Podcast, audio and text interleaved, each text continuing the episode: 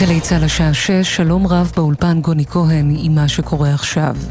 מאות אנשים ליוו למנוחות את סרן הראל איתך, מפקד צוות בסיירת גבעתי, שמת מפצעיו לאחר שנפגע בקרב בדרום רצועת עזה לפני כשבוע.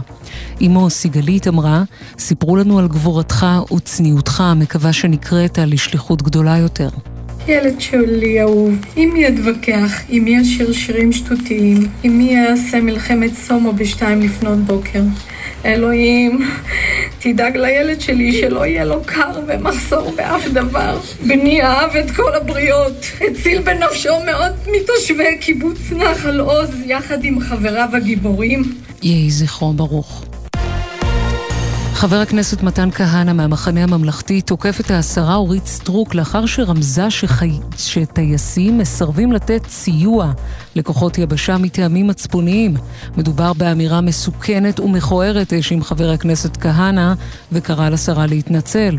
בדקתי עם uh, מקורותיי בחיל האוויר, לא היה ולא נברא, אין חיה כזו. זו אמירה כל כך קשה, זו אמירה כל כך מכוערת, זו אמירה כל כך מפלגת. והשרה סטרוק, אם היא הייתה רוצה באמת לברר את הנושא הזה, הייתה יכולה לעשות את זה בדרך אחרת. אני מבקש מהשרה אורית סטרוק שתתנצל על הדבר הזה, כי, כי זה פשוט פגיעה בלוחמים. יחידת עוקץ נלחמת ברצועת עזה. כלבי היחידה סורקים בתים שעליהם פושטים הכוחות. 13 כלבים נהרגו עד כה ברצועה, מדווח כתבנו הצבאי דורון קדוש. במקרים רבים נשלחו כלבי עוקץ לסרוק מבנים לפני שפשטו עליהם הכוחות הלוחמים, זיהו איומים וכך מנעו פגיעה בכוחותינו. מתחילת המלחמה 13 כלבים נהרגו בקרבות ברצועת עזה. כלבי התקיפה של עוקץ ריתקו 18 מחבלים ואיתרו 15 חוליות מחבלים. עשרות כלבים נוספים נפצעו ופונו לטיפול במרפאה המיוחדת ביחידה. תוך כדי המלחמה צה"ל ביצע רכש של כלבים חדשים מאירופה במקום אלה שנפצעו ונהרגו. הבוקר נפתחה שנת הלימודים האקדמית בצל המלחמה. דוקטור ניר שלזינגר, מרצה להנדסת חשמל וקצין מבצעים בחטיבה 188 של השריון, שוחרר הבוקר לכמה שעות מהמילואים והגיע ישירות לכיתת הלימוד באוניברסיטה. הוא שוחח עם ירון וילנסקי וסיפר על האווירה בקמפוס. בהתחלה הם לא כל כך ידעו להתמודד עם זה, אבל אז כשאתה מסתכל אתה רואה שגם לא מעט מהסטודנטים הגיעו עם נשק. גם הם בעצמם הרבה מאוד נמצאים בשירות מילואים. אני חושב שהם מאוד הבינו. באתי בהתחלה ואמרתי בכנות מוחלטת שלא ככה רציתי להתחיל, ועדיין אני מאוד שמח שאנחנו מתחילים ומאוד שמח להיות פה. ויש משהו מאוד אה, חיוני בלהצליח לקיים שגרה של הוראה ושל מחקר, משהו מאוד בריא ומאוד נכון. מזג האוויר למחר הטמפרטורות תוסיפנה להיות גבוהות מהרגיל העונה לידיעת חיילי צה"ל ברצועת עזה. בחברת מטאוטק נמסר כי מזג האוויר מחר יהיה נאה והטמפרטורות תעמודנה על 20 מעלות, ולחיילים בגבול הצפון מחר יהיה נוח יחסית לעונה. אלה החדשות.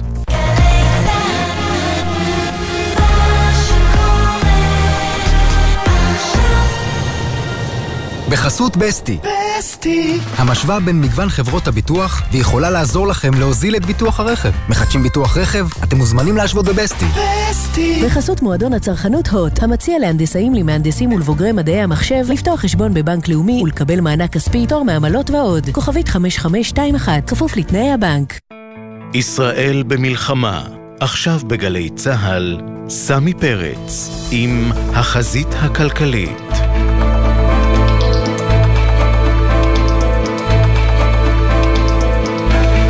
ערב טוב, עכשיו שש וארבע דקות, אתם בחזית הכלכלית. כל הסיפורים הכלכליים החמים של היום, של התקופה, רובם קשורים איכשהו, בדרך כזו או אחרת, למלחמה. אה, אם יהיו פה גם עדכונים אה, ביטחוניים, כמובן שאנחנו נשבץ אותם, בתקווה שלא יהיו כאלה. אה, בנק ישראל אמור לפרסם מחר את החלטת הריבית שלו לחודש ינואר הקרוב, ובעצם לסמן את הכיוון לשנה החדשה שבפתח.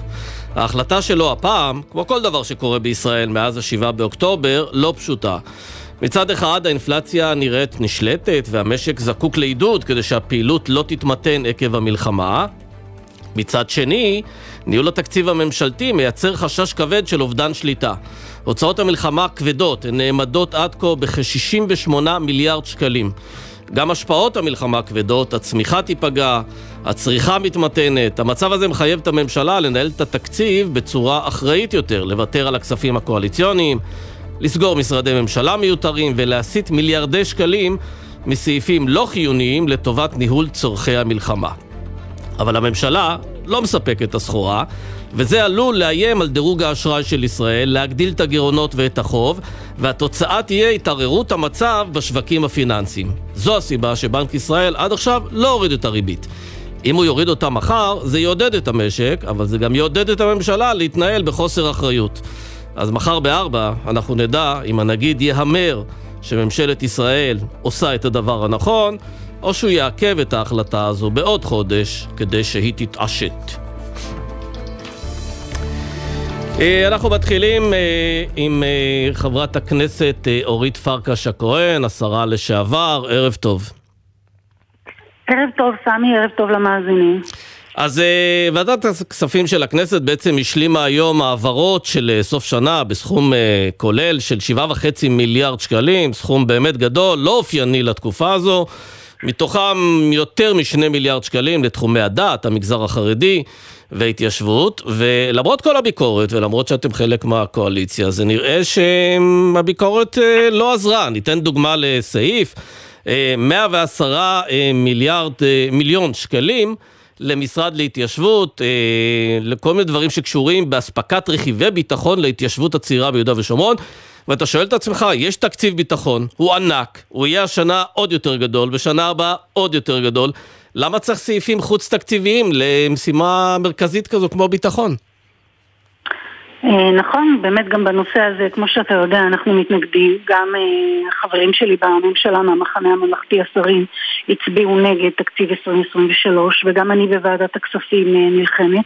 אבל אני חייבת להגיד את האמת, אתה יודע, שבוע אחרי האירועים הנוראים של השבעה באוקטובר, יצא שר האוצר סמוטריץ' והכריז לציבור ואמר, נכשלנו, אני מתחייב לשנות את סדרי העדיפויות. מה שאנחנו רואים אה, בעוד אה, חיילים שלנו נלחמים זה, זה בושה. בעצם הפרידו את תקציב 23-24, ש-23 הוא בעצם רק חודש, אה, במקום לעשות הרי לחבר את, את שתי שנות התקציב הזה ולעשות תכנית אחת כוללת של היערכות כלכלית למלחמה, ובעיניי זה לא נעשה סתם. אה, כדי שלא נבין עוד את עומק הבור שאנחנו מגיעים אליו בשנות התקציב, בשנת לא, אבל אני מנסה להבין, את, את כחברה שבוועדת הכספים, כשאומרים לך שמפנים 75 מיליון שקלים לטובת ביצוע פעולות בתחום אספקת רכיבי ביטחון להתיישבות צעירה, שהם למאחזים, אה, אתם שואלים בדיוק לאן הולך הכסף הזה? זה הרבה כסף, נכון שזה לא כן, מאות מיליארדים, אבל אתם, היום, אתם מקבלים אה, תשובות על זה? פניתי, פניתי היום למנכ"ל uh, המשרד למשימות לאומיות, שזה בכלל הסיפור שלו, מספר את כל הסיפור. משרד שבבסיס שלו בימים רגילים הוא 150 מיליון שקלים, קיבל כבר עד ליום הדיון היום עוד מעל ל-400 מיליון שקלים כספים קואליציוניים, והיום בעצם הגיעו כדי לקבל עוד 190. ושאלתי את המנכ"ל ואת אנשי אגף תקציבים, עם כל הכבוד לכל הצרכים שיש, אי אפשר להסתפק עם 600 מיליון שקלים? אי אפשר אה, ל- ל- ל- להסתפק בתוספות שקיבלתם עד עכשיו אפילו ולוותר על היתר? וגם, באמת, כמו שאתה אומר, יש לנו כאן אירוע של איזה משרד שהוא נהיה קופה קטנה של שר האוצר, שלא מתנהל כמו שר האוצר של כל מדינת ישראל. רגע, אבל מה הוא השיב לשאלות שלך? הוא נתן לא לך תשובה? תשובות, לא, אגף תקציבים הסתכל עלינו ובעצם אמר זאת החלטת הממשלה, זאת החלטת הממשלה, כדי בעצם, אה, אתה יודע, לא היה להם מה לומר, כי הרי החלטות התקציב ב-2023 מנוגדות לשתי תוכניות שהגיש הממונה על התקציבים לשר אוצר. פעם אחת ב-7 באוקטובר הגיש יוגב אה, גורדוס אה, עקרונות להתנהלות כלכלית בתקופת לחימה לשר אוצר, ופעם אחרונה עכשיו לקראת 2024, ובכולם זה אותם הצעות. אבל בפועל הכסף הזה, לאן בדיוק הוא הולך? הוא הולך לג'ובים, למשרות של אנשים, לאן? אני לא הצלחתי להבין, ואני חושבת שלא סתם אנחנו לא מצליחים להבין. אני גם לא מבינה את השיטה. יש מין איזה משרד שצמח לו עכשיו, ובעצם יש לו תוספות מיוחדות משל עצמו לחינוך, יש לו תוספות משל עצמו כאילו לביטחון, יש לו תוספות... אה, ובעצם השאלה הנשאלת היא מה עם כל המערכת שכל יתר חלקי המדינה מקבלים אה, כספים אה, ממערכת החינוך הכללית וממערכות האחרות. לא קיבלנו תשובות טובות, גם לא קיבלנו הסבר כל כך למה הם באמת חוות דעת משפטית של משרד האוצר ש- ש- שיגיד שהדברים האלה הגיוניים. אה, וזו המציאות. עכשיו, לא, לא, לא, למה ללכת רק לזה, סמי? לא רק שכל המשרדים המיותרים... לא, אני אגיד לך למה ללכת לזה, כי כן. ביטחון, לא, רגע, ביטחון אני... זה קדוש בעיני כולנו, וברור שביטחון ביהודה ושומרון חשוב כמו ביטחון בצפון או בדרום, נכון, ואתה נכון. מצפה שתקציב הביטחון ייתן מענה לדבר הזה, שלא יהיו נכון, סעיפים עוקפים וחוץ תקציבים. נכון, אבל אם אתה חושב שצריך כאן חיזוק, ועוד פעם, זה רק לשנת 2023, והמשרד כבר מעל לחצי מיליארד שקלים, אז עכשיו, אתה יודע, בבהילות מביאים את העוד אה, אה, 200, וגם תוספות שוב למורשת, והמשרדים למורשת ושיתוף פעולה אזורי, ותפוצות ושוויון חברתי, ומסורת בירושלים וכולי וכולי, ונגב וגליל. לא רק שלא חלקם נסגרו וחלקם אולי צומצמו, אלא שכמעט כולם, כולם, הבסיס שלהם עוד עלה. אה, ובאמת אנחנו סוגרים את השנה הזאת עם, אה, עם אה, מתוך, מתוך חמש, לא יודעת, נותרו בוא נגיד ככה חמישה מיליארד שקלים כספים קואליציוניים ובואו נגיד מילה על שינוי סדרי העדיפויות. אנחנו שומעים עוד ועוד על מילואימניקים במיוחד העצמאים שבהם שמתחילים לחוות קשיים כלכליים נוראים וזה הזמן עכשיו שהם צריכים להסתכל על הממשלה הזאת ולראות הגדלה של 70% בקצבאות אברכים. אני חושבת שזה הזמן היה לעשות חוק שירות ישראלי. כן, אבל את יודעת, זה, אני אה, מבין... שיהיה שירות לאומי, או כן. שירות צבאי, כל אחד לפי... לא, הביקורת מובנת, אבל uh, חברת הכנסת פרקש הכהן, uh, תשמעי, אתם, אתם נכנסתם לממשלת החירום הזו.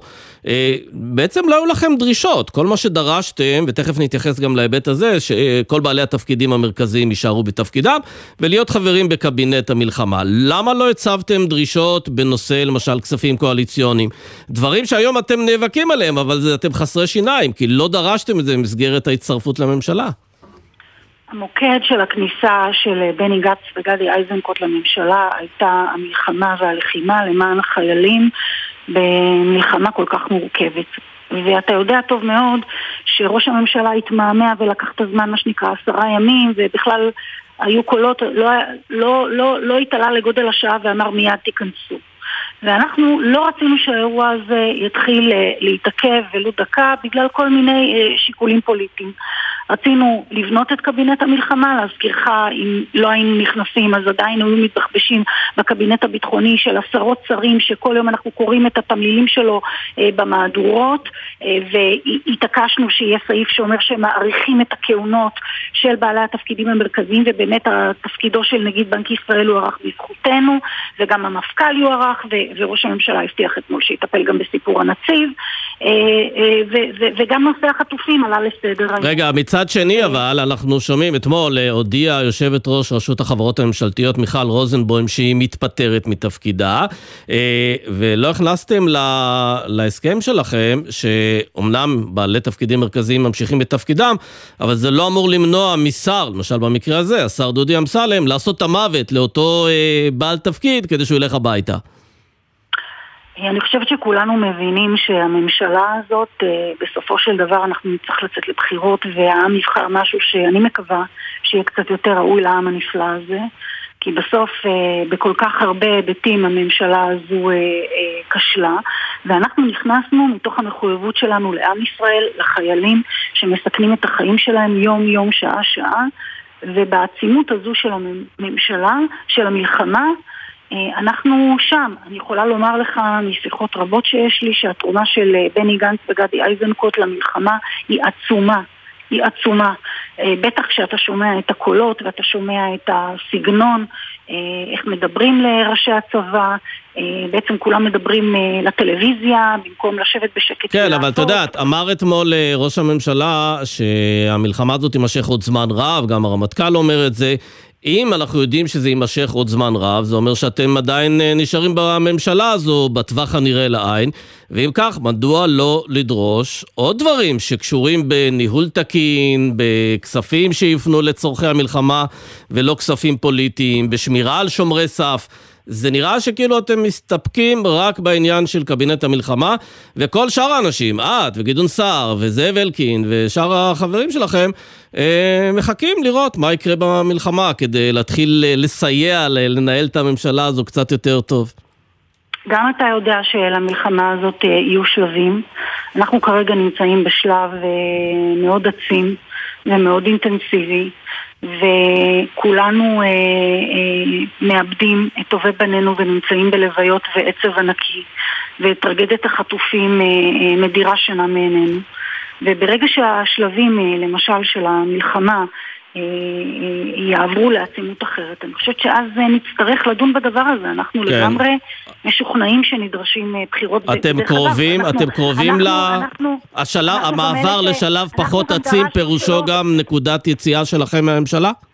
אנחנו גם דרשנו שתעצר החקיקה המשפטית וחקיקה שלא קשורה למלחמה וגם את הארכת התפקידים של הנגיד וראשי מערכת הביטחון אה, כמו המפכ"ל וכולי וגם אה, היועצת המשפטית ולכן אני חושבת שבעניין הזה כן הייתה אה, תרומה. טוב היה אם, אם היו יכולים לשנות את הרכב הממשלה ולתת uh, להיכנס, אבל אנחנו בסוף חושבים שאת הממשלה הזו צריך להחליף. כן. סתם. חברת הכנסת אורית פרקש הכהן, המחנה הממלכתי, תודה רבה לך. תודה רבה, תודה. עינב קרנר איתנו, ערב טוב עינב. ערב טוב, סמי. תגידי, מה יהיה עם שסטוביץ' ודיפלומט? הם לא עוצרים עם העלאות המחירים שלהם? מנצלים את uh, תופי המלחמה כדי לעלות שוב ושוב? קודם כל צריך, אה, דווקא על דיפלומטים, הזכרת אותם, צריך לציין שבשלב הזה דווקא הם משכו את העלאת מחירים, למרות שהם רמזו על זה בדוחות הכספיים האחרונים. אבל אחרי שסוביץ', כמו שאנחנו למדי ניסיון סמי, ככל הנראה זו הסנונית הראשונה, ואנחנו נראה עוד יבואנים ויצרנים. אבל לגבי שסוביץ', שכאמור, באמצע המלחמה, יבואנית קולגט וברילה הודיע לחלק מרשתות השיווק, עדיין לא כולם אה, קיבלו את ההודעה, על העלאת מחירים בשיעור של עד 15%, זה כבר יקרה מ-1 אה, בפברואר. גורמים בשסטוביץ' מסרו שמדובר בהתייקרות שהחברה כבר תכננה לאחרי החגים, אבל נדחתה אה, בעקבות המלחמה, אגב, שעדיין אה, נמצאת אה, בעיצומה.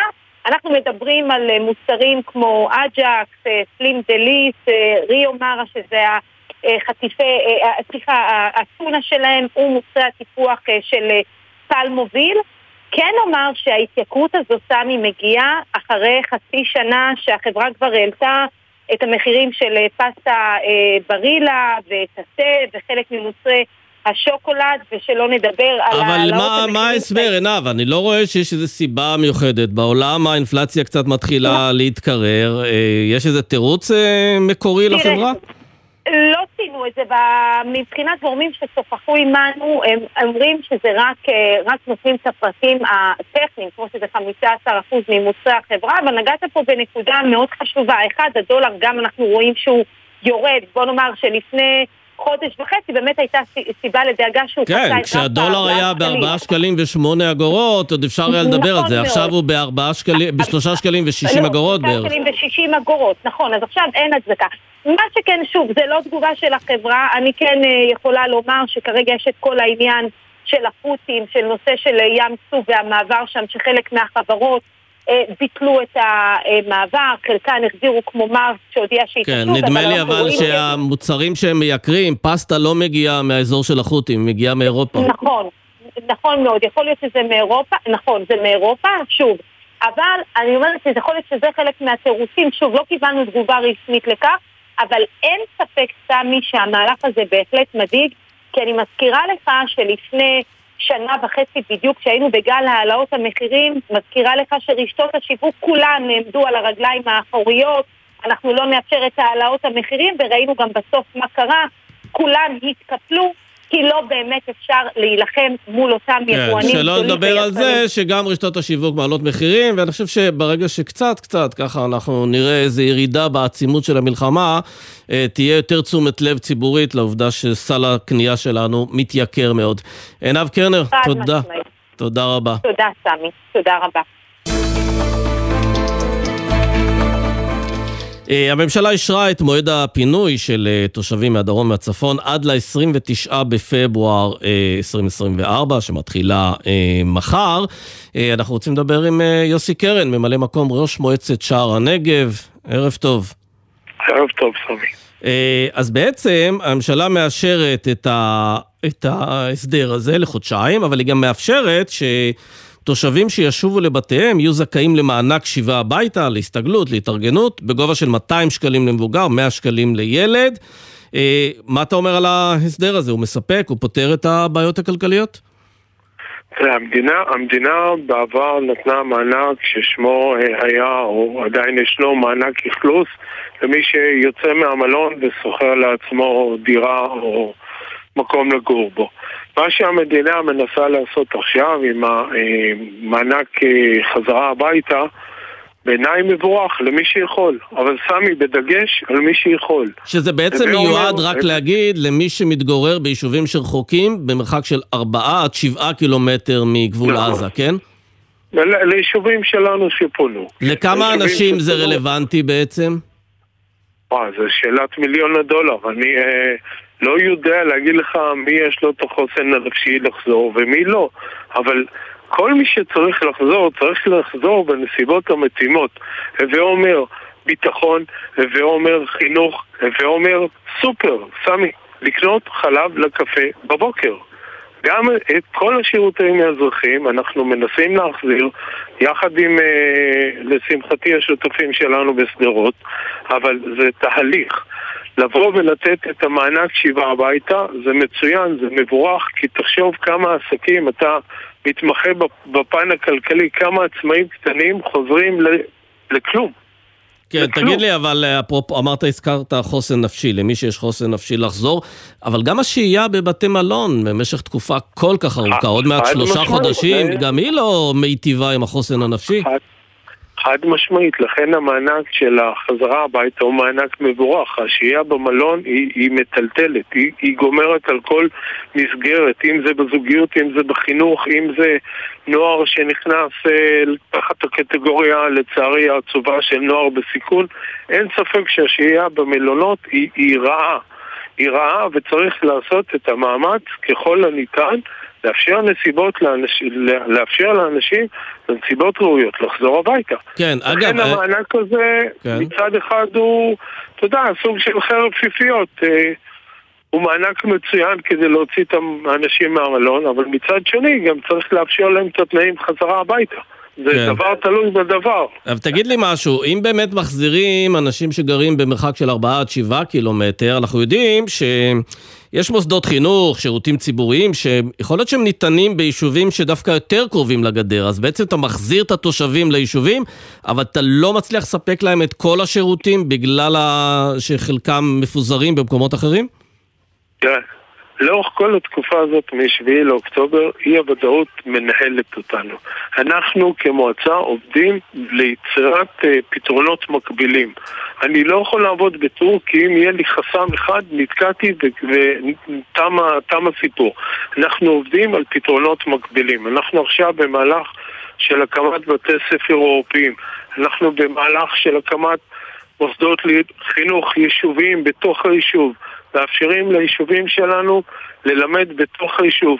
כשהמטרה העליונה שלנו כמועצה היא בראשון בספטמבר, בהינתן וצבא הגנה לישראל יאשר את זה, לחזור לבית הספר שלנו, לקריאת החינוך. יש לנו קריאת חינוך מדהימה, ואנחנו רק מחכים לחזור אליה. כן, טוב, לסיום, הממשלה בעצם אישרה לדחות את הבחירות לרשויות המקומיות והאזוריות ל-27 בפברואר. אתה מתמודד בעצם על אה, ראשות מועצת שער הנגב, צריך להגיד שאתה ממלא מקום, מתוקף זה שראש אה, המועצה אופיר ליבשטיין נהרג בהגנה על יישובו, אה, כפר עזה, ב-7 באוקטובר. זה נותן לכם יותר זמן להתארגן? זה טוב לכם, הדחייה הזו? תראה. אתה, אתה מכניס אותי לאזור שהוא כרגע לא, אה, לא נוח, אבל קודם כל אני, אני אה, אתחיל ואומר, כן, אני חד משמעית מתכוון להתמודד. למה לא נוח, יוסי? כי סמי, בעת הזאת לעסוק בפוליטיקה, שיש לנו חטופים בעזה, שיש לנו... אבל, אבל חיים חזקים ואתה צודק. לשאלתך, כן, אני מתכוון להתמודד אה, בבחירות. כרגע בשלב זה כמו שאתה מבין, המועצה שלנו מתפרסת ממשמר העמק ועד מצפה רמון, אין יכולת אה, אה, לבצע בחירות. לכן שר הפנים, בהחלטה הגיע למסקנה שהבחירות בשער הנגב או בעוטף יארכו חמישה חודשים לאחר חזרת התושבים. אני לא יודע כרגע מתי התושבים חוזרים, אני מבחינתי מוכן מחר שהתושבים יחזרו אם זה מה שיהיה נכון להם, ומוכן מחרתיים להתמודד בבחירות. אז רגע, בעצם יכול להיות שהבחירות אצלכם לא יהיו בפברואר, לפי מה שאתה אומר. לא, הבחירות אצלנו בהחלטת שר הפנים הם חד משמעית לא בפברואר. ההחלטה של משרד הפנים ושר הפנים משה ארבל היא חמישה חודשים לאחר חזרת אה, התושבים. אוקיי. גם, גם, סמי, בוא, בינינו, נראה לך שתושב שלנו בחוץ כרגע מתעסק במתי יהיו הבחירות? אנשים שלנו. מתעסקים בהישרדות. האמת שלא. נטו אה. בהישרדות. ומה קורה בעוד שעה, מה קורה בעוד יום, מה קורה בעוד שבוע ובעוד חודש.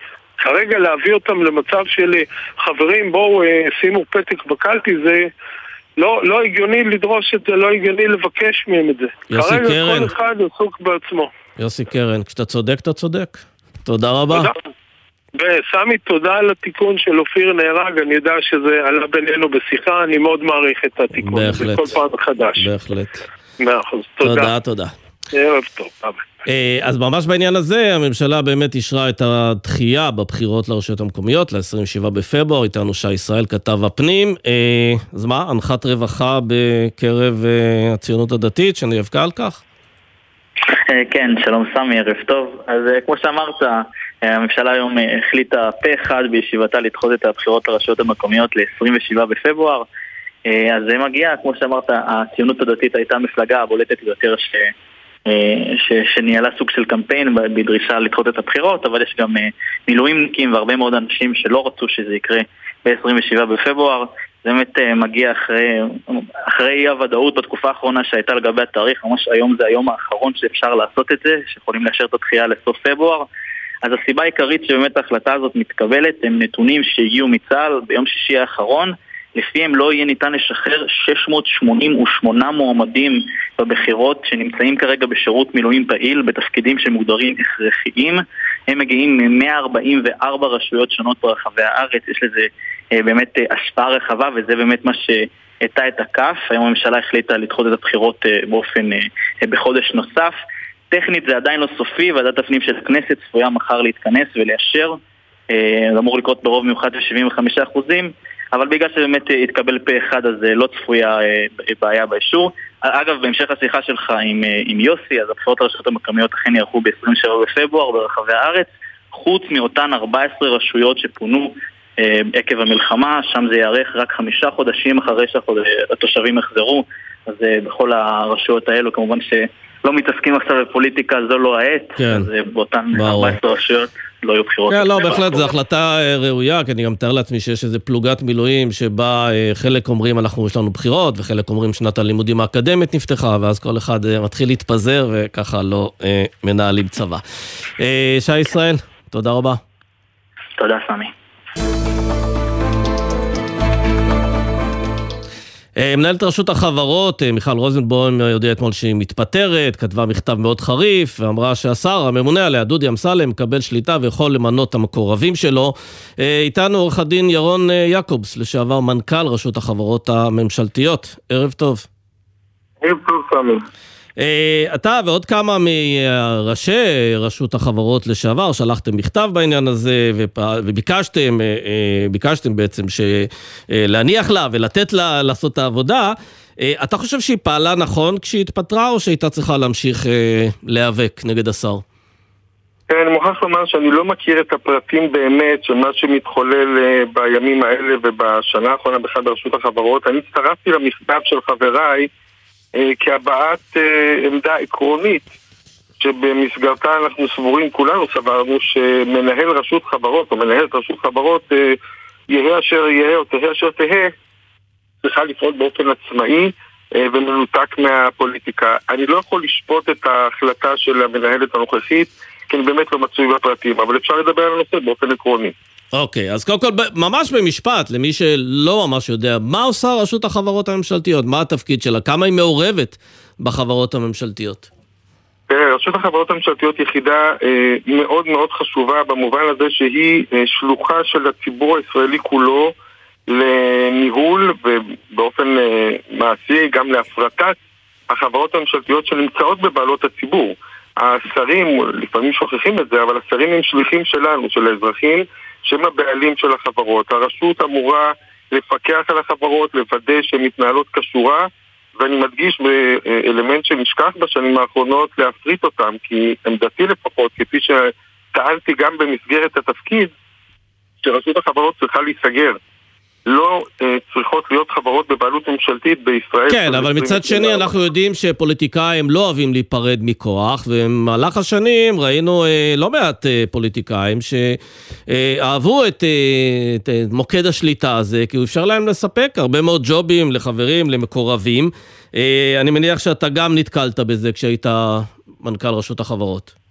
בוודאי, אתה צודק בהחלט. אפשר לשים לב לכך שבכל משא ומתן קואליציוני, רשות החברות היא אולי האלמנט השכיר ביותר בתוך המשא ומתן, שישנו תמיד ויכוח האם היא תהיה תחת משרד ראש הממשלה או תחת משרד האוצר. הפעם הגדילו לעשות והעבירו אותה למשרד לשיתוף פעולה אזורי, שבאמת אפילו אסוציאטיבית אין לו קשר לפעילות של הרשות. אתה צודק, בצער. אה, רשות החברות נתפסת כמקור לתפקידים, כמקור למינויים, ונשכחה העובדה שמדובר בנכס כלכלי חשוב מאוד לאזרחי מדינת ישראל. כן, היא כותבת, אה, מיכל רוזנבוים, במכתב שלה, היא אומרת, על פי תפיסת עולמו המוצהרת של השר אמסלם, החברות הממשלתיות אינן משאב ציבורי, אלא מאגר ג'ובים שאמור לשמש אותו לצבירת כוח ומעמד פוליטי. אם עכשיו אנחנו נראה באמת שהוא מתחיל למנות חברים, והוא הודיע שזה אחד הדברים שהוא רוצה לעשות, יש לרשות החברות, או בכלל לשומר סף אחר, דרך לעצור אותו? כלומר, משהו, איזה גוף שבא ואומר לו, עד כאן? בוודאי, השאלה רק אם הגוף הזה יפעל. זאת אומרת, ברשות החברות הממשלתיות אה, ישנה ועדה שממנה, אה, סליחה, ממליצה לוועדת המינויים אה, את מי למנות ואת מי לא למנות, ובאופן ספציפי ישנה נבחרת הדירקטורים. זאת אומרת, ישנם אה, ישנה איזושהי מסגרת של מי יכול ומי לא יכול להתמנות, אבל צריך לעמוד איתן מול הלחצים הפוליטיים. אם יש מי שעושה את זה מצוין, ואם אין, אז העסק יהיה פרוץ. כן, זה לא רק למנות, זה גם להדיח. מישהו שלא מוצא חן בעיני השר, למשל יושב ראש רשות הדואר, ראינו מאבק, מישל וקנין, אה, שמדיחים אותו, אה, למרות שאתה יודע, הוא לא קשור לשלטון קודם או לשלטון אחר, אלא פשוט מדיחים, כי הוא לא בא טוב לשר, לא, והשר רוצה... תמיד. סמי, אני מתנצל שאני קוטע, הוא עוד לא הודח. העניין הוא בתוך הליך משפטי, קשה לי לראות שידיחו אותו, אה, מכיוון ש... אוקיי, אבל אם לא הייתה עתירה לבג"ץ, אז הוא היה הולך הביתה. זה נכון. כן. אז אתה אומר שיש לרשות החברות, גם אם מחר דודי אמסלם שם שם את החבר הכי טוב שלו בתור המנכ"ל, יש גורמים, אלמנטים, שומרי סף שיודעים לבלום אה, מישהו כזה שיבוא... רשות החברות עצמה, בסמכותה, אה, וזה חלק מתפקידה, לוודא שהדירקטורים שמתמנים לתפקידים בדירקטורים השונים של החברות הממשלתיות יהיו ראויים על פי החוק. יש חוק בהקשר הזה. כן, אז אתה אומר לא צריך לדאוג גם אם הוא שם שם מחר את החתול שלו? לא, להפך, צריך מאוד לדאוג, מכיוון שכפי שאמרתי, זה שיש סמכות עוד לא, אה, זה עוד לא אומר שהסמכות הזאת תיאכף. הבנתי. אה, אוקיי, עורך הדין ירון יעקובס, לשעבר מנכ"ל רשות החברות הממשלתיות, תודה רבה לך. תודה, תודה, להשתמע. נצא להפסקה קצרה ונחזור עם נתוני תעסוקה גם של המגזר החרדי, ובכלל נתוני התעסוקה לשנת 23, מקצועות הכי מבוקשים בשנה האחרונה, כבר חוזרים. אתם מאזינים לגלי צה"ל. ידעתם שמשרד החקלאות מקצה לחקלאים 20 מיליון שקלים לשינוי ייעוד של מבנים חקלאיים, ושמשרד האוצר נותן מענקים לעסקים ולעצמאים מכל רחבי הארץ? וידעתם שיש אתר אחד המרכז למענכם את כל המידע על כל מה שהממשלה עושה. כל המידע למפונים, לעסקים, לחקלאים, לכל האזרחים. עכשיו באתר חרבות ברזל, מידע לציבור ממשרדי הממשלה. חפשו ברשת חרבות ברזל, מידע לציבור ממשרדי הממשלה, ותקבלו את כל המידע על על מה שאתם יכולים לקבל מהממשלה. יחד ננצח. זה לא בוקר טוב עד שכולם וכולן יחזרו. שלום, שמי רובי, אביו של איתי חן, שנחטף לעזה. יש משימות חשובות למדינת ישראל, אבל יש גם משימות דחופות. משימה דחופה להחזיר את כל החטופים הביתה, חיים עכשיו. כל בוקר, בוקר טוב ישראל עם משפחות החטופים, מצפים לכולם בבית. יחד במלחמה. מצאנו את הרדיו. אז זה העביר לנו את הזמן. מצאתם רדיו? הנה הרדיו. זה הדבר היחידי שמחזיק אותנו. גלי צה"ל כל הזמן. זה הכוח, זה הכוח. זה והמשמעות שלנו. גלי צה"ל, פה איתכם, בכל מקום, בכל זמן. עכשיו בגלי צה"ל, סמי פרץ, עם החזית הכלכלית. חזרנו, עכשיו אנחנו רוצים להתעסק קצת בענייני תעסוקה, גם של המגזר החרדי, עם יואל עיברים כתבנו לענייני דתות, וגם עוד מעט עם אה, רמי גראור, מנכ"ל שירות התעסוקה. נתחיל איתך, אה, יואלי. אה, המכון הישראלי לדמוקרטיה מפרסם נתונים. מה קרה לתעסוקת חרדים בשנה האחרונה? נכון, זה נתונים שמתעסקים ברמת החיים של החרדים, בחינוך, בתעסוקה. שיכולים גם להעיד על ההבדלים בין נשים לגברים בחברה החרדית וגם לאן פנינו מועדות הלאה. נתחיל בנקודות האופטימיות, אז בחברה החרדית יש ירידה בשיעורי העוני מ-36% ל-34% בתוך אה, שנתיים. אנחנו רואים שהשימוש באינטרנט טובות. מזנק. התחלת עם חדשות טובות, כן. קדימה. הבעלות על מכוניות ודירות גם עולה, כך שבסך הכללי רמת החיים של אה, משפחות חרדיות אה, עולה. זה בוודאי טוב לכלכלה, כי זה מראה שההכנסות של משפחות חרדיות גדלו באופן משמעותי בשבע שנים האחרונות, הם זינקו ב-19% לעומת עלייה של 6% אה, בציבור הכללי, וזה בסוף נעוץ בנשים החרדיות, ששיעורי התעסוקה אצלן זינק ל-80 אחוז, רבות מהן מחפשות משרה בהייטק, בחברות מובילות, זה גם בא בהלימה עם מהפכה בהשכלת הנשים החרדיות, שלומדות תארים יותר מדעיים. למה שיעור התעסוקה אצל הגברים החרדים? אנחנו יודעים ששם בעצם זה עיקר הבעיה. נכון, אז אה, רמת, אה, אה, בסוף רמת ההכנסה בקרב, בקרב גברים חרדים, היא הייתה הנמוכה ביותר משנת 2003, 50% מרמת ההכנסה בקרב גברים אה, אה, יהודים לא חרדים. אה, אה, כלומר, לא רק שרק מחציתם של... עובדים, גם אלה שעובדים משתכרים אה, שכר מאוד מאוד נמוך. שכר נמוך, כי רבים מהם, צריך להגיד, עובדים בעבודות שקשורות לחינוך. מערכת החינוך החרדית מייצרת אה, מפעל שלם של מלא מלא אה, עבודות וג'ובים, שבסוף אה, משהו שמזין את עצמו, הם לא משתכרים בהרבה הרבה כסף, וגם ההוצאה של משקי בית חרדים על תשלומי חובה שציבור יהודי לא חרדי משלם, כמו מס הכנסה, ביטוח לאומי, לאומי ביטוח בריאות, זה עומד בממוצע ל-40% מהוצאה של משקי הבית הלא חרדים, כן. וקרה עוד משהו בשנה האחרונה, כן. שזה מספר תלמידי הישיבות והאברכים החרדים, שעלו ב-4.1 אחוזים, וזה בעקבות הכניסה של המפלגות החרדיות לקואליציה, הם תקצבו מוסדות תורניים, כן. מה שגרם לגברים חרדים לחזור לעולם הישיבות. וזה ברור, ככל שמתקצבים יותר, כך יש יותר לומדים, ויש פחות גברים עובדים. יואל עיברים, תודה רבה. תודה רבה. ונקפוץ מכאן לרמי גרור, מנכ"ל שירות התעסוקה, ערב טוב. ערב טוב, סמי. אז אתם, אה, אז אתם מפרסמים את uh, סיכום נתוני שנת 2023 בשוק התעסוקה. אני רוצה לגשת איתך ישר לשתי כותרות המעניינות פה בעיניי. Uh, מהם המקצועות הכי נדרשים מצד המעסיקים בשנה האחרונה, ואחרי זה נגיע גם להשפעות של המלחמה.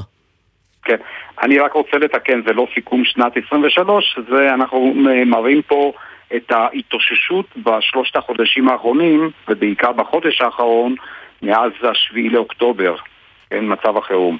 אנחנו okay. לא אוקיי. מסתכלים עדיין. סיכום אה, שנת 23 זה ייקח לנו עוד... אתה אומר זה רק התקציר, אוקיי, אז... אה, כן. כן, זה אז... רק ההתחלה, כן, זה רק על השלושה חודשים, אנחנו רואים פה שני, אה, שתי מגמות מאוד ברורות, אחת ירידה משמעותית ביציאה משוק העבודה, אלה שמצטרפים לאבטלה, וגם אנחנו רואים את היציאה לתוך מעגל העבודה, כלומר ירידה משמעותית של uh, כמות דורשי עבודה, זה שני, uh, שתי נקודות מאוד uh, מעודדות. כן, וכשהמעסיקים באים ואומרים אני צריך עובדים, באיזה תחומים הם מחפשים? תראה, אנחנו, שירות התעסוקה עובד כרגע על שני, שתי קבוצות. קבוצה ראשונה, כי אנחנו גם ארגון שאמור לסייע למעסיקים שבזמן חירום עובדים כסוג של ריתוק משקי, אותם גופים שזקוקים למאבטחים, לנהגים, למפעלי שמייצר מזון, חקלאות וכן הלאה. ושם אנחנו, זה לא פשוט, אנחנו עושים את זה, אבל זה די מאתגר. הקבוצה השנייה זה מעסיקים שזקוקים, למשל תעשייה אה, מאוד זקוקה לידיים עובדות, ואנחנו שם אה, בהחלט אה, מצליחים יותר. אני חושב שיש דרישה ל, לרוב הענפים. כמובן אנחנו יודעים את הענפים המרכזיים ששם יש מחסור אדיר, איפה שעבדו גם זרים וגם פלסטינאים, כמו הבניין, ענף הבנייה. סובל מאוד, ענף החקלאות סובל מאוד. אגב, אתם, יש לכם גם אינדיקציה, הרי באמת ברגע שענף הבנייה אה, נכנס למצוקה הזו, אה, רואים שהמעסיקים מוכנים לשלם יותר עבור אה, עובד מן המניין? חייב לומר ש... שהמעסיקים בענף הבנייה מוכנים לשלם יותר, אבל אין כל כך הרבה שרוצים לעבוד. ב... אנחנו יודעים שבבנייה רטובה כמעט ואין ישראלים שמוכנים לעבוד. למרות שהשכר הוא לא נמוך. השכר הוא יחסית שכר די גבוה, כן? ככל שאתה רוכש עוד ניסיון ואתה מוכיח את עצמך בעבודה, בהחלט השכר יכול להיות אה, שכר נאה שאפשר להתקיים בו אה, בכבוד ופלוס. כן, העניין אוקיי. העניין הוא שאנחנו באמת... אוקיי, אז בואו נדבר רק על ההשפעות של, אה, של המלחמה. ב-7 באוקטובר חלו באמת הרבה מאוד השפעות, גם שיתוק של חלק מ... מקומות העבודה, גם יותר יציאה של אנשי מילואים, גם סגירה של מקומות עבודה בגלל הקרבה לאזורים מטווחים. אה, מה אתם רואים אה, בעצם מבחינת אה, מצב שוק התעסוקה מאז המלחמה? אז א', יש כמה ענפים שעדיין לא חזרו, כן, לעצמם, כמו תרבות ופנאי. האומנים קצת חלקית חזרו, אבל עדיין רחוק, תיירות כמובן, טיסות. אה, יש לנו בעיה... אגב, אומנות ופנאי, שאנחנו יודעים שמרכז התרבות אה, זה באמת תל אביב. נדמה לי שהאזעקה האחרונה בתל אביב, שמעתי לפני שמונה או עשרה ימים. לא רואים איזה קשר ישיר בין uh, הירידה החדה בכמות האזעקות והצבע האדום ובין uh, התחדשות הפעילות הכלכלית? כן רואים, אנחנו רואים את זה בכל התחומים, אנחנו רואים, תל אביב זה לא בדיוק הדוגמה, כי אנחנו רואים צפון ודרום קצת יותר באיטיות טבעי, במרכז אנחנו רואים שהכל חזר אה, כמעט, כמעט מלא. אבל עדיין בפריפריה קצת, אה, קצת פחות, בהחלט כן. אז בעצם אתם אה, נתקלים בהרבה יותר דורשי עבודה בפריפריה, או שבגלל השיתוק הזה שכפתה המלחמה, אה, אנשים אה, מסתפקים בדמי אבטלה בתקופה הזו. אה, אנחנו רואים, אנחנו רואים, קודם כל אנחנו בהחלט רואים היקפים מאוד גדולים אם אנחנו מסתכלים על סך הכל דורשי עבודה שיש לנו, כנראה שבראשון למחר ומחרתיים אנחנו נראה כמובן צמיחה מאוד גדולה בכמות דורשי עבודה, אבל אם אני מסתכל על חודש דצמבר, קצת פחות ממחצית סך הכל דורשי עבודה באים מצפון ודרום. כן, טוב, תשמע. בגוש דן שהוא בהיקף מאוד גדול, אבל שם חזו מאוד, כי חלק גדול הם אותם צעירים שיצאו מכל נושא המסעדות וכן הלאה. כן, טוב, יש פה אה, קבוצה מאוד גדולה שצריכים... אנחנו יודעים, אה, רק רוצה לשאול אותך על ענף ההייטק, כי בסך הכל אנחנו יודעים שהמדינה נכנסה לגירעונות גדולים, להגדלת החוב, אה, והיא תזדקק להרבה מאוד הכנסות. אה, כדי לממן את העלויות הכבדות של המלחמה הזו, ואנחנו יודעים שענף ההייטק סיפק 25% אה, מההכנסות אה, ממיסים. אני רוצה לשאול אותך על הקטגוריות שבהן ראינו חיפוש עבודה, ואיך זה נראה כרגע השוק? הייתה תקופה שבה... הענף הזה גדל בכמות המועסקים מדי שנה, ועכשיו אנחנו נמצאים, נדמה לי לראשונה, השנה הזו, בירידה במספר המועסקים. הייתה ירידה מסוימת בתחילת השנה וירידה יחסית שהתחילה להדאיג, uh, אני חושב שהיא די נבלמה. יש מוביליות בשוק, אבל היא לא, היא לא מאוד גדולה. אנחנו רואים uh, מרכזים מאוד קטנים שמפטרים היקפים מאוד קטנים, מצד שני גם מחפשים. עדיין עובדים בענף ההייטק. אין ספק שנעבור את התקופה, אני מאוד מקווה, אנחנו כולנו מקווים שזהו הקטר של המשק, שימשיך, ההשקעות תגנה ובהחלט תהיה צמיחה חוזרת לנושא הייטק. כן, ואיפה אנחנו רואים... חלק גדול, אה, אגב, סמי, חלק גדול, בטח אתה יודע, שחלק גדול מההייטק הוא גם מגויס. כן, ואיפה אנחנו רואים אה, בעיקר אה, עלייה בביקושים לעובדים בהייטק? באיזה מקצועות הייטק? שוב, זה אותם מפתחים מקצועיים עם ניסיון. שם אה, מחפשים בעיקר את אלה. עכשיו, אנחנו גם רואים שמי שמחפש, אה, ובהחלט גם זה הייטק, כל מפעלי, המפעלים הביטחוניים, שקיבלו הזמנות בהיקפים אדירים ומחפשים אלפי עובדים. כן. אה, אוקיי, נראה לי שאנחנו נחזור אליך אה, כשיהיה את הדוח המקיף והמלא אה, של שירות התעסוקה. אה, רמי גרור, בשמחה. תודה רבה. תודה רבה לך, סמי, ביי.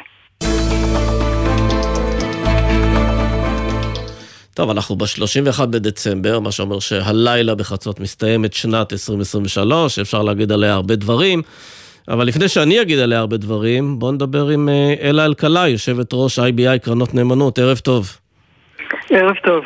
אה, מאיפה נתחיל? כשמסכמים את שנת 2023, אה, בואו נתחיל מעולם ההשקעות. אה, בעצם מה שקרה זה שכולנו, כמשקיעים, כחוסכים, באמצעות הגופים המוסדיים שמנהלים לנו את הכסף, הגדילו מאוד את החשיפה לחו"ל במהלך השנה, עוד לפני בעצם השבעה באוקטובר, נכון? נכון. אני חושבת אבל שאם אתה רוצה כותרת של אה, איך לתאר את השנה הזאת, אני חושבת שזאת השנה עם החוסר הלימה הכי דרמטי בין ההתנהגות של אה, המשק והסיוט שכולנו חווינו אותו מתחילת השנה ושאנחנו עדיין אה, חיים בתוכו, לבין איך שהשווקים הפיננסיים אה, התנהגו. וזה כמובן מזל גדול, כי זה אומר שלפחות הכסף שלנו אה, די שפוי. בנקודת הזמן. כלומר, אנחנו התערערנו בשנה הזו, אבל לפחות הכסף שלנו אה, נשאר אה, יציב, נקרא לו כך. אה, כך זה נראה, וכמו שאמרת, חלק גדול מהסיבה לזה זה באמת שזה הדרגתי, ואנשים וגם הגופים המוסדיים הגדילו את החשיפה לחו"ל לאורך השנה, וכך הניתוק של המשק המקומי או של שוק ההון המקומי ממה שקורה בעיקר בשוק האמריקאי השפיע פחות ממה שהוא עשוי היה להשפיע אם הם לא היו עושים את זה בצורה הדרגתית לאורך השנה. צריך רק להגיד, בוול סטריט ובנסדק זו הייתה שנה מצוינת, זינוק של 25% בוול סטריט, 44% בנסדק. אצלנו עלייה צנועה מאוד של 4%, קשור במידה רבה להפיכה המשפטית ש, שדיכאה פה בעצם את ההשקעות.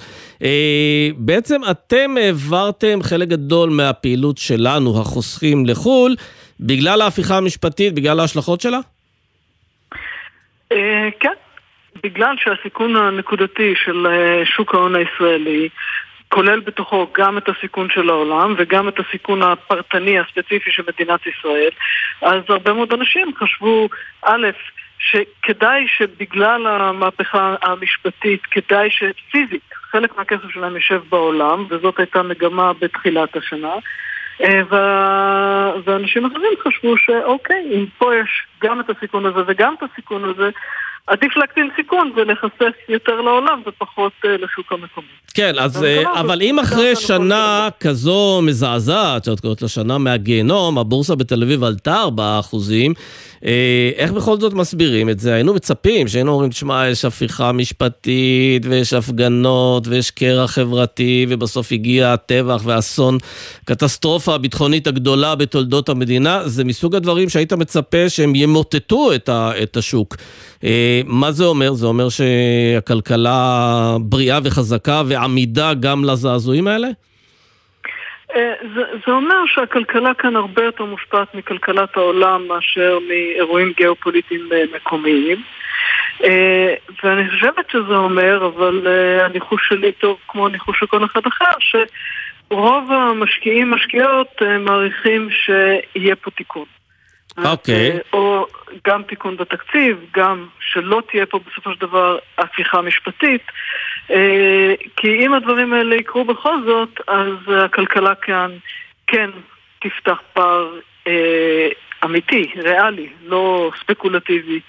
אה, מול... כן, אבל, אבל צריך לשים לב באיזה נסיבות הגענו למסקנה שלא לא תהיה הפיכה משפטית, בנסיבות של, של קטסטרופה ביטחונית, של טבח, של מלחמה. כלומר, זה, זה לא נכון. שסיבה טובה מנעה את ההפיכה המשפטית. וגם לא בטוח שמנענו אותה. אה, זה, זה עוד לא קרה, זה רק אה, כנראה הספקולציה של השווקים. ולכן פתחתי ואמרתי שאחד, שהשנה הזאת הייתה מאופיינת בחוסר הלימה מוחלט בין מה שקרה אה, בשוק ההון לבין מה שקרה במציאות של כולנו. כן, אז עכשיו אה, באמת אנחנו רואים שנפתח פער בין הבורסה בתל אביב, שעלתה רק באחוזים בודדים לעומת אה, מה שקרה בוול סטריט. הפערים האלה לאורך זמן נסגרים? כלומר, אם יקרו פה דברים טובים, אנחנו נראה שהבורסה בתל אביב תטוס לעומת אה, וול סטריט? זה נשמע לי כמו ניחוש מאוד הגיוני. כן, ולכן גם יכול מאוד להיות שהרבה אנשים מגדילים את החשיפה שלהם לשוק המקומי, אם זה התרחיש המרכזי שהם רואים. אז לא חסר היגיון אה, להגדיל את החשיפה. לא, אבל תני לנו את התרחיש, באיזה נסיבות, באיזה נסיבות זה קורה? הרי ראש הממשלה הבטיח אתמול שהמלחמה בעזה תימשך עוד זמן רב. אה, לא מדברים על היום שאחרי, אנחנו, חזית הצפונית, אה, יש הרבה תרחישים שיכולה להתלקח הרבה מעבר למה שקורה עכשיו. באיזה תרחיש את רואה שהפער בין הבורסה בתל אביב לוול סטריט יכול להיסגר? צריך לקרות, צריכים לקרות פה דברים טובים, מה הם? אה, הדברים הטובים שיכולים לקרות זה ש...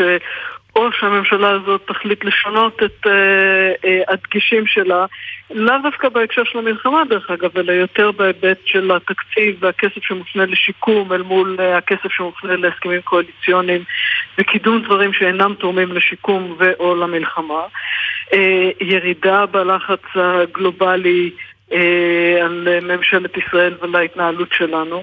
שככל שזה הולך ומחריף, אז כמובן שיש פה פחות ופחות משקיעים זרים, וזה יכולה להיות לזה השפעה מתמשכת אה, דרמטית. אה, אז ככל שהתקציב מתוקן, ככל שהחיכוך אה, אה, עם העולם אה, קטן, אה, והכמות של המלחמה יורדת ולא עולה, יותר כסף, הסיפור של התקציב זה כמובן שיותר כסף מופנה לשיקום, הצעדים האלה בהחלט יכולים להביא לזה ששוק ההון אה, שכלכלת ישראל ולכן גם שוק ההון יראו אחרת. כן, אבל זה ידוע בעולם ההשקעות, שדווקא כשהמצב קשה וכשהכול נראה כזה נורא, אה, שכולנו במקום מאוד מאוד נמוך, זה, זה השעה שבה אנשים שיודעים ככה לזהות הזדמנויות נכנסים ומשקיעים. אה, מבחינת הציבור הרחב, את רואה איזה נטייה של משקיעים? לבוא ולהגיד, אה, טוב, אה, אני, רואה, אני רואה שאנחנו נמצאים במקום מאוד נמוך, מפה אפשר רק לעלות? אה, אני, אני חושבת שיש זרימה של כסף לתוך השקעות, אבל אני לא יכולה להגיד שזה נשען רק על איזשהו תרחיש מאוד אופטימי לגבי שיקום של כלכלת ישראל. חלק ממה שמושך אנשים זה שהם מסתכלים על מה קרה השנה והם רואים עלייה של 40% בנסדק.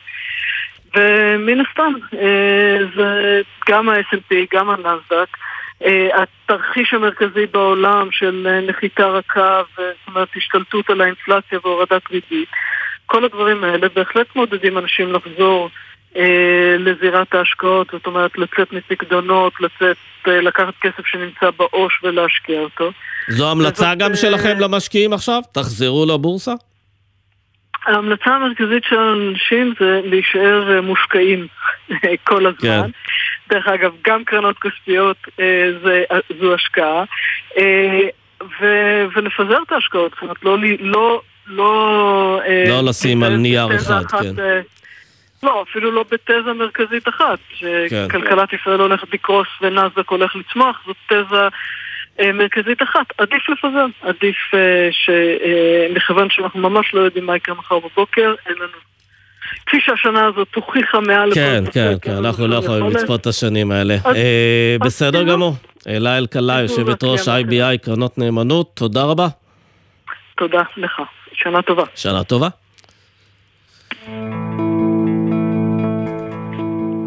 אה, אנחנו כרגיל אה, תמיד, תמיד צריכים לדבר פה עם עסקים קטנים, רוצים לדבר עם עסקים קטנים, ואיתנו חגי הורוביץ, ערב טוב. ערב טוב, סמי. הבעלים של קפה בסיבוב, באנדרטת החץ השחור ליד כפר עזה. אה, תשמע, אה, המקום בעצם אה, פרנס אותך היטב עד ה-7 באוקטובר? המקום פרנס אה, אותי ועובדים נוספים היטב. אה, צמח והמשיך לצמוח במהלך שנתיים שהוא היה קיים אה, ועוד אה, תכננו הרבה תוכניות להמשך. הכל נגוז נסגר בשביעי לאוקטובר ואנחנו, אני בעצם מקווה לפתוח אותו בחדש, מחדש בהקדם. כן, ב-7 באוקטובר אתה היית, ב, למזלך, בטיול עם המשפחה מחוץ לעוטף, אבל הקפה נבזז ואף הוצת ועלה באש? כן, כן. אה, אה, הגיעו אה, אותם חבר'ה השכנים מעזה ובזזו מה שיכלו לבזוז ומה שהם לא הצליחו להרים על הרכבים שלהם פשוט הציתו. בהמשך עוד היה שם קרב די הירואי, די גדול, והקפה בעצם לא נותר ממנו דבר. והיה לך תוכניות וחזון די גדול למתחם של הקפה, כן. לעשות שם נכון. מה בעצם? אז בעצם אני, את, ה, את הקפה, לקפה הזה אני הגעתי אחרי הרבה שנים, זה היה חלום ילדות שלי מבחינתי, ואני התחלתי בקפה, אבל בעצם באותו מקום רציתי גם להקים סוג של אה, מרכז קניות כפרי. אמ, גם אה, אתר קמפינג וגם מקום ישיבה או פארק אה, ירוק, מקומות שחסרים לדעתי בדרום. היה לי על זה הרבה תוכניות, חלמתי, תכננתי, השקעתי, וגם את, למזלי גם אופיר ליבשטיין, ראש המועצה ז"ל, אה, גם בסופו של דבר גם תמך בי ודחף מאחורה. כן, שהזכרנו אותו קודם, שהוא נהרג בהגנה על אה, כפר עזה.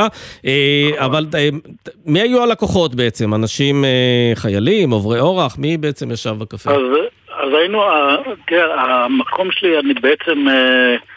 הצמחתי אותו בעצם משום דבר. התחלנו, התחלתי לפני שנתיים ובהתחלה טיפין טיפין אספתי לקוחות, אבל בהמשך היו לי לקוחות גם תיירים מחו"ל וקבוצות וטיילים אה, ישראלים וגם אה, הרבה אנשים מהאזור. כן, אגב, אני לא יודע מתי אתה תפתח אותו מחדש, אני מקווה שכמה יותר, שכמה שיותר מהר, אבל די ברור לך שתהיה שם בתקופה הנראית לעין הרבה יותר נוכחות צבאית באזור. אני רוצה להזכיר לך שכשצה"ל היה בלבנון, העסקים בקריית שמונה פרחו, כשהוא יצא משם הם גבעו. אתה רואה פוטנציאל בעובדה שזה הולך להיות אזור עם הרבה יותר נוכחות צבאית כדי לפתוח את העסק מחדש? אז אני, אני אספר ש... ש... אה, היו לי הרבה חיילים גם לפני זה. אה, בעצם גדוד 13 אה, ומפקדיו וגם המג"ד, תומר, בעצם היו לקוחות קבועים שלי. כן, הגדוד שחטף בעצם ב-7 באוקטובר את המכה הקשה ביותר, ואת תומר נכון. גרינברג שנפל בסג'איה. נכון, כן, אז רגע, צפי לפתיחה, אתה יכול לתת לנו? מתי זה יקרה מחדש? אני לא יודע להגיד, כיום השטח הוא עדיין שטח צבאי סגור, אני פועל ביתר שאת בכל הכיוונים, בין אם זה מול המועצה, מול קק"ל, אה, בעזרת אה, גופים אה, מממנים כאלה ואחרים, כדי להקים את המקום הזה כמה שיותר מהר, עם כל התוכניות, ואני מקווה שבהקדם האפשרי. אני מוכן ומזומן. כן, אז אנחנו... עד לפני עד לפני שבוע הייתי במילואים, יצאתי ממילואים. כן. אה, חגי הורוביץ, אנחנו מקווים שזה יקרה כמה שיותר מהר ושהעסק ישגשג ויפרח. תודה רבה לך. הרבה הרבה תודה. נגיד רק תודה לאריאלה קליין שערכה, לנועה ארז שהפיקה, לביצוע הטכני ליאור רונן, בפיקוח הטכני אילן גביש, עורכת הדיגיטל מיה אורן, מיד אחרינו יובל גנור, נאחל שנה אזרחית טובה ושקטה ורגועה ובטוחה. ניפגש מחר.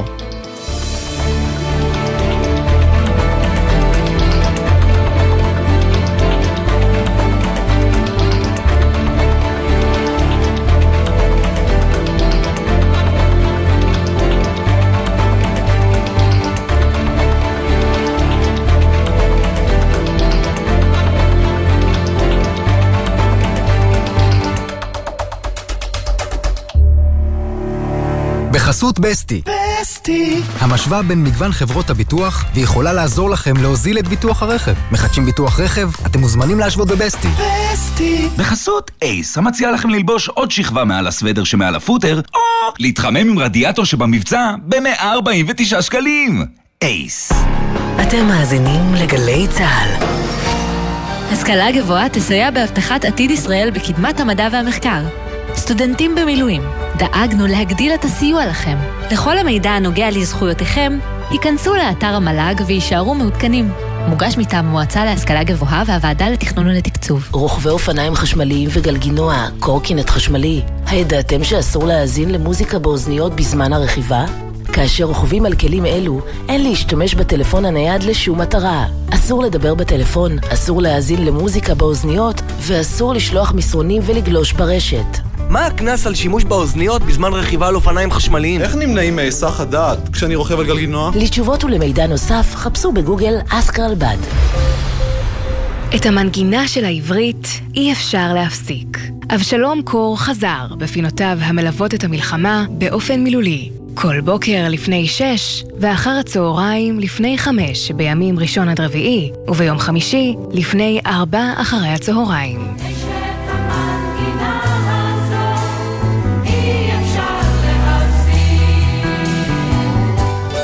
אולי עכשיו קצת קשה להגיד שיהיה בסדר, ובכל זאת, תנו לנו לנסות. יהיה בסדר מתגייסת למענכם להיאבק בעוולות גם בתקופת המלחמה, ונלחמת לפתרון המצוקות האזרחיות של המערכה. זכויותיכם נפגעו, זקוקים לעזרה, אין לכם מענה מהמדינה, פנו ליהיה בסדר, ויש מצב שיהיה בסדר. ראשון עד רביעי, שלוש בצהריים, גלי צה"ל. מיד אחרי החדשות, יובל גנור.